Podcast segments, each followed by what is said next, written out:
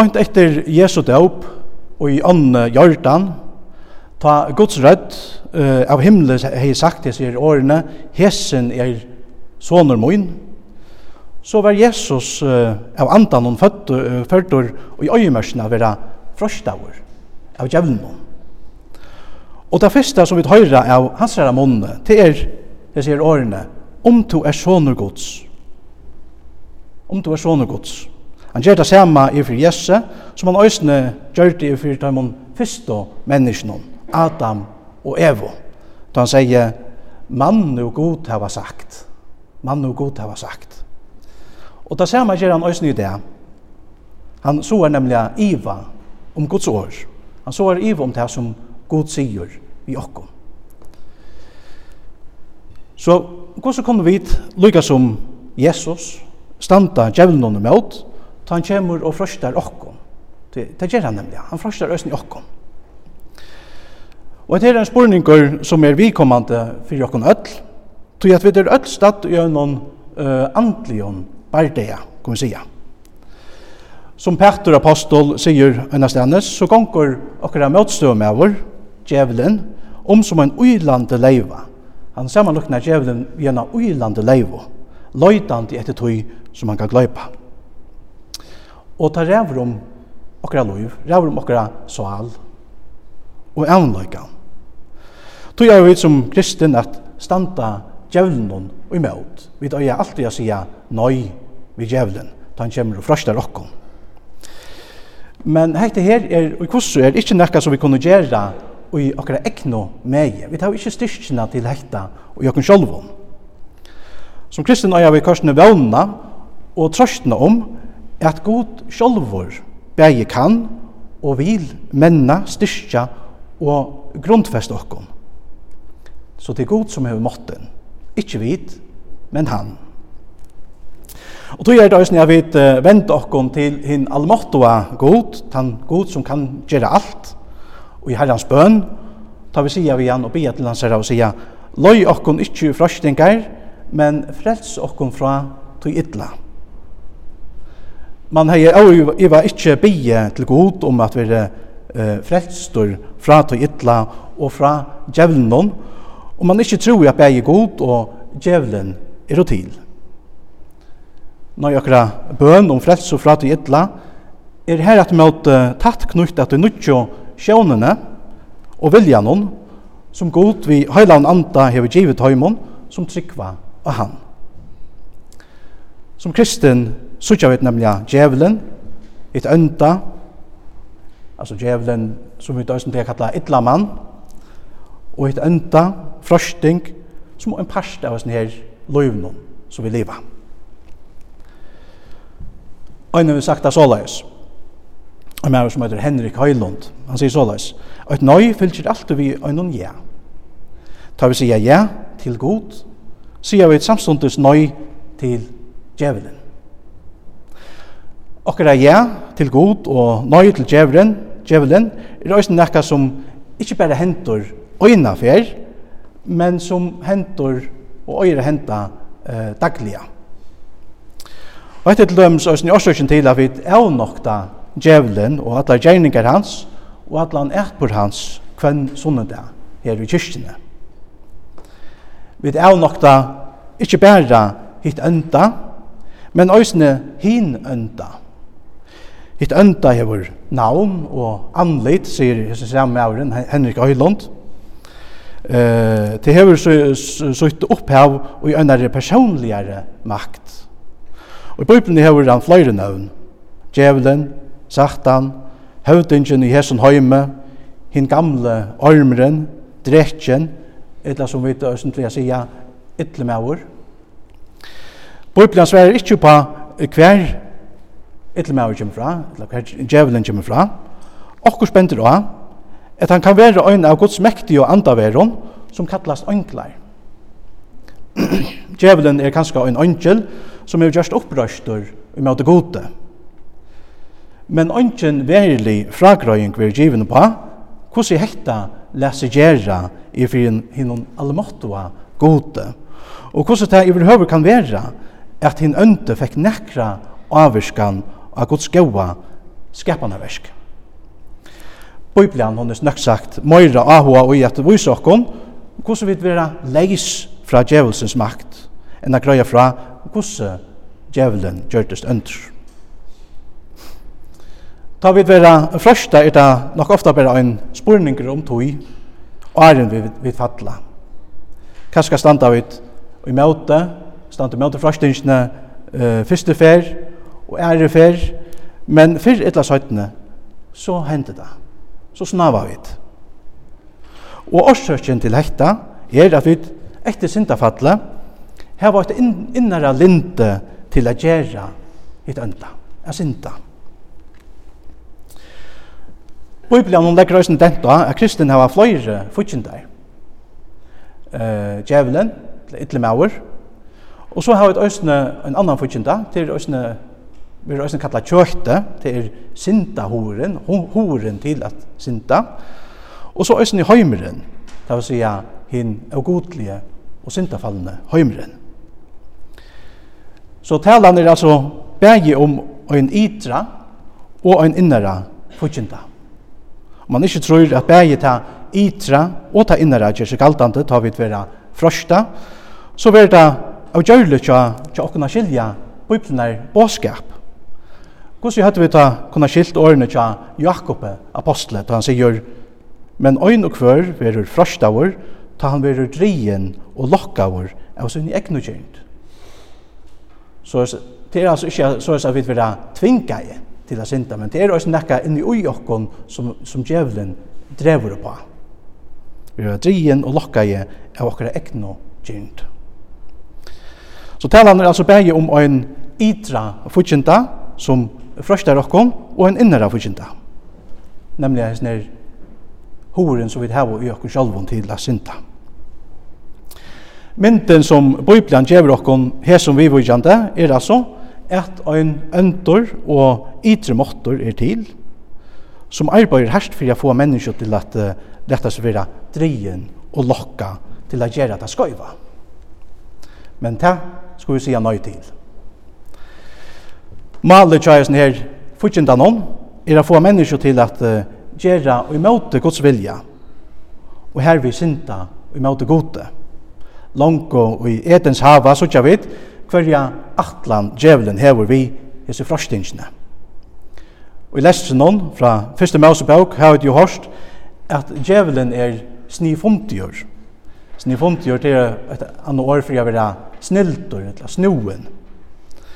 Vi tar då at han lokkar Evo til å gjøre bort motsatt hui, som god har sagt. Han færre teg til å ivast om Guds år, og så sier han i årene, mann no god har sagt, at det ikkje mye ekte av nøkron treie, og i alten gærne, spyr han. Og så laus rønnsir han òsne Guds år, til at god han gav jo omkantøy nekka forbå i måte jeg etter av trøvenon, i fløyretal. Talan var bare om åkt treie. God sier, og det kan vi lese i kapittel 2, i første Mosebok, av ötlun trövun, av ötlun trövun er det løft at ete av, ete vild. Men av treje kunnløykan som godt og illt skal du ikkje ete. Det er så kjøtt som du etter av tog, skal du vissliga dodja, sier god. Vi sin likn røyner djevnen altså få Adam og Evo til at trykva at uh, god er euratvisur. Og så gjerne røyner han å få mennesker til at ete av akkurat tog trenon som god teg og avvara deg imot. Så, så, så kjøtt som du etter av tog, sier god, skal du visselig ha dødja. Men vi sier ikke at djevelen, han sier bønta motsatt. Han sier, til skulle alls ikke dødja. Og hva gjør han til? Jo, det gjør han til at han, han hættar god. Og tog hættar han også okkon, mennesker, som er elskar av gode, og som er Guds skapningar. Han sier, til skulle altså ikke dodja, til at han nemlig vil okkara uh, undergeng. Og et er også uh, til at apostelen Johannes sier om djevelen, han var mandrappare fra opphavet, sier han. Og stender ikke i sannløkene, til at sannløkje er ikke i honom, Ta han talar likn, talar han av sunnen ekna, tog at han er liknare, og så senda at han er fægir at liknene.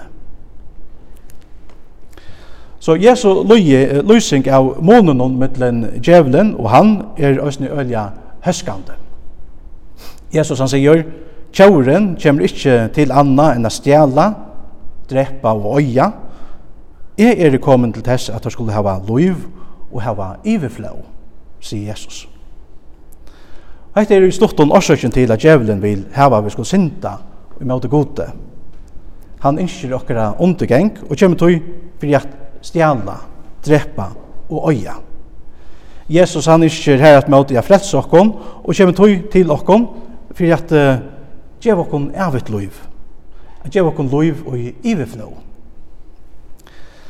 Som kristen er vi altså stadt i noen andlig om bærdeia Men hvordan kunne vi så røynt og være og standa djevnen og imot? Hvordan kunne vi sige nøy til ytlamann ta han kommer og frøster okkur? God han innskjer sjåvand ikkje at vi skulle være verjuleis ta han kommer og, og frøster. Ta ytlamann kommer og frøster. Tøy hevur gott eisini gevi okkum so inn í ekno herklæði. Og om hansara herklæði, om Guds ekno herklæði, kunnu vi lesa om í Efesabraunum. Her Paulus kjem vi en er na grønligare løysing av hesson her klaun. Han sier, Annars vere sterkir i herran og i veldes mått i hans herran. Lættet ikkun i öll her klei gods, så at ikkun vera fyrir fri a standa i møte sniloppon djevelsens. Ty a barda i okkar er ikkje møte blau i holde, men møte valdenon, møte ravnon, møte heimshøvdingnon i hese myskre, møte anda herlion ildskaparins og himna rymdon færre og i öll herklæge gods, så at det kunne være fører fyrir at vajta møtstå og hin vonda dagen, og standa vi ta alt er vunne. Så standa ta gyrter om lendar tikkar av i sannløyga, og klatter i brinni og rettlættesins, og skøtter om føktenar vi fusløyga til a boa, gleibåskap, friarins.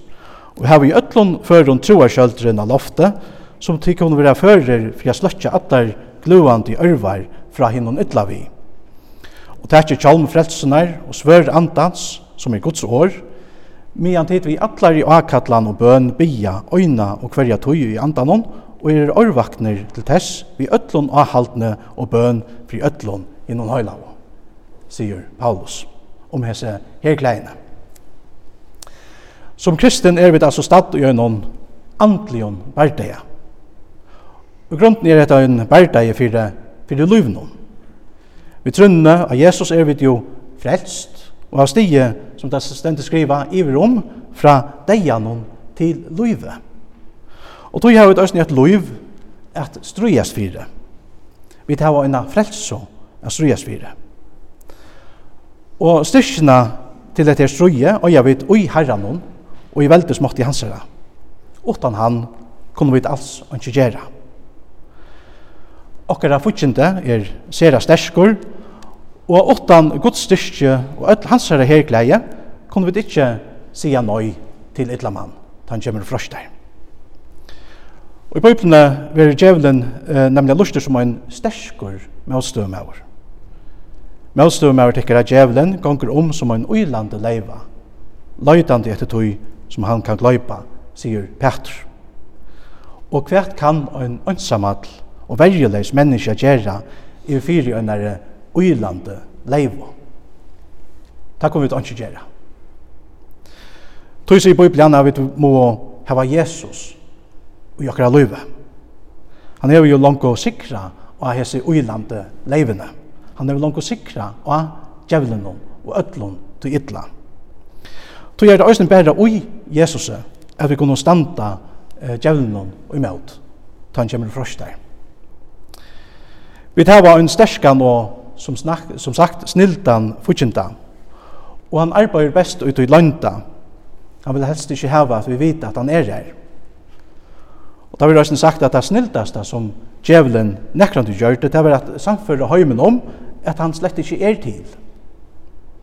Og røyner at gjøre menneske blind i fyrir sannlagan om om lufsens andlige sujo. At menneskene, at vi tar var en avja, avja sal, at god, djevelen, himmel og helvete er en veriløgje. Og dette her er eit av sniloppon djevelsens. Til at han som ikkje trur hesson, for heldur ikkje suttja nekra møyning og jeg skulle være sterkur i herranon, og at leta seg i öll hans herra herklei. Hva skal man bruka herklei til, hvis man ikkje trur at man er stator og i øynon andelig om Men dette er nemlig liknen tja illa manne, tja djevnum. Lukka som han sier vi Adam og Evo, at de alls ikke skuld å dodja, ta de auto av treanum, nemlig at de sannlagen var just han motsatte. Så løs uh, sier han òsne vi okkon i det, at vi ikke er hos stad og gjør noen andelion bardeia. Motsatt uh, verilagan hon, røyne djevnen av få okkon til at trykva at han ikke gonger om som en uilande leiva, i etter tog som han kan gløypa. Og i det gjennom, i møte okkara futsinda, er det tøy sera, tøytninga mykje, at vi er grøy iver at hinn andlige bærdagen, òsni er galtande fyrir okkom. Om amenningen, ja Paulus er i Efsa Braunon, skal djeva nekra møyning, må vi fyrst og fremst vera grøy iver at vi, vi frelsene og Jesus òsni har finnst lot i øynon andligen bærdagen, i møte i øynon sterskon futsinda ta vi det blir en grøy over det, så sørger vi døsene at vi verlig har bruk for det Guds styrke og ætlån hans herre her klaven. Paulus han nevner med anna at vi skulle være gjørt om okkara lentar vi sannløyga. Og i uh, Jesus samtøy gjenko menn og i kyrstle, det er nok uh, undantekje jo det, ja, jeg er ikke kyrstle, kan man sija. Men ta av døvån så var det nok så vanligt at menn kinko i kyrkla, så lengon klæven som kinko holdt ned til føttene. Men ta, ta så skulle då renna, eller skulle då i bardeia, så gyrte tar lendene. Det vil si at tar hala og kyrklen opp eh, til lendene, og bunt og så en knuta. Jeg kunne til sikkert også gjørst av prestakjallan, men det er ikke gjør i det. Uh, og henta hatt var det hvis mennene så bjoner til å renne og til bardia hvis det var tæta snus i om. Og samme hatt er, er vi oss en byggven til bardia, ta vi det da gyrt om lendene vi sannløyga. På den måten kunne vi gjøre oss klar til å renne og til bardia, vi sannløyga, vi gods sannløyga. Hver jeg fyrir djevelen frostar, uh, Jesus, Så viser Jesus av eh, ja, etla, jeg må lukka bakka sin tur. Altså, vi tar langt å være inni av at djevelen er en liknare, og at han er feir at liknende. Loika av fyrstan tøy, hef djevelen brukt liknina i møte okkom. Han så er iva om gods år, og sier, mann, nu god hava sagt, så vi da varst. Tøy er det òsne, vi gods sannløyka, at vi avduka djevelen og vinna av honom. Jesus han djevel okkur ser det godt døme uh, om etter her i dagsens tekste. Her vi det var hårst, hvordan djevelen frostar Jesus og i øymørsene. Jeg synes jeg vet nemlig at Jesus møter øtlån liknende tja uh, ytla manne, vi sannløykan hon og i Guds åre. Hverja fer djevelen frostar han, viser Jesus av Guds år, og så sier han i seg årene, skriva stentor, skriva stentor. Og det enda vi at djevelen får fra hon. Ta vi skulle standa djevelen imot, så er det sera godt for jokken at kjenna bøyblina, at vi kjenna skrifterna. Djevelen har ma flytja fra okken, ta vi pøyka av Guds år og hans herra lyfter. Vi må, nu har jeg tidsja svør vi her i dag, det gjør vi vanligvis ikke, men det er også ta døme som, som Paulus uh, sjálfur brukar Han brukar svör. Det är så det svör som jag fann här hemma. Men det är inte öliga färdigt. Men uh, det är gav mynd på Guds år. Vi må bruka andans svör, svör andans, Guds år. Det man släppa att uh, byggva och virka i okkara görstum. Att bruka uh, svör andans till det samma som att vara i åren. Att byggva i åren. att täcka Guds år till sin att Jesus han sier, om tid vera verand i åre moinon, ta er tid av sonnon lærersvøynar moiner, og til skulle læra kjenna sannløykan, og sannløyken skal fruja dikkom. Lukka som er svør er størst og harsht, så er Guds år og det sterskasta og det herrasta som finst. Vi liva av Guds åre, som Jesus også sier i dagsens tekstet. Menneskene lever ikke av brei i øyna, men av hverjon åre som gonger ut av hos munne. Og som heter Karl Olof Rosenius, han sier også at hekti er det øynasta våpne som riggar i øynon andlion bardeia. Okkara ekno tankar og år riggar ikkje i bardeia noen måter satan. Men ikkje riggar så vel som Guds år, sier Rosenius. Så hekta våpne som Jesus brukte i, i måte djevelen, i øyemørsene, det skulle vi til øysene bruka. Fudgjenden, han må flutja for hesen årene, skriva stentor. Djevelen flutja i undan tog, ta Jesus brukte i øyemørsene. Og djevelen han flutjar øysene i undan tøy i det. Tøy er Guds år, det er livande og måttmykje, det brøytest ikkje.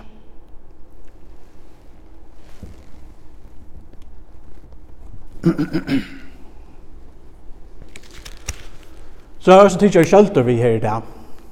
Uh, vi skulle i øtlom førron uh, hava troa kjølteren av loftet, lausevit.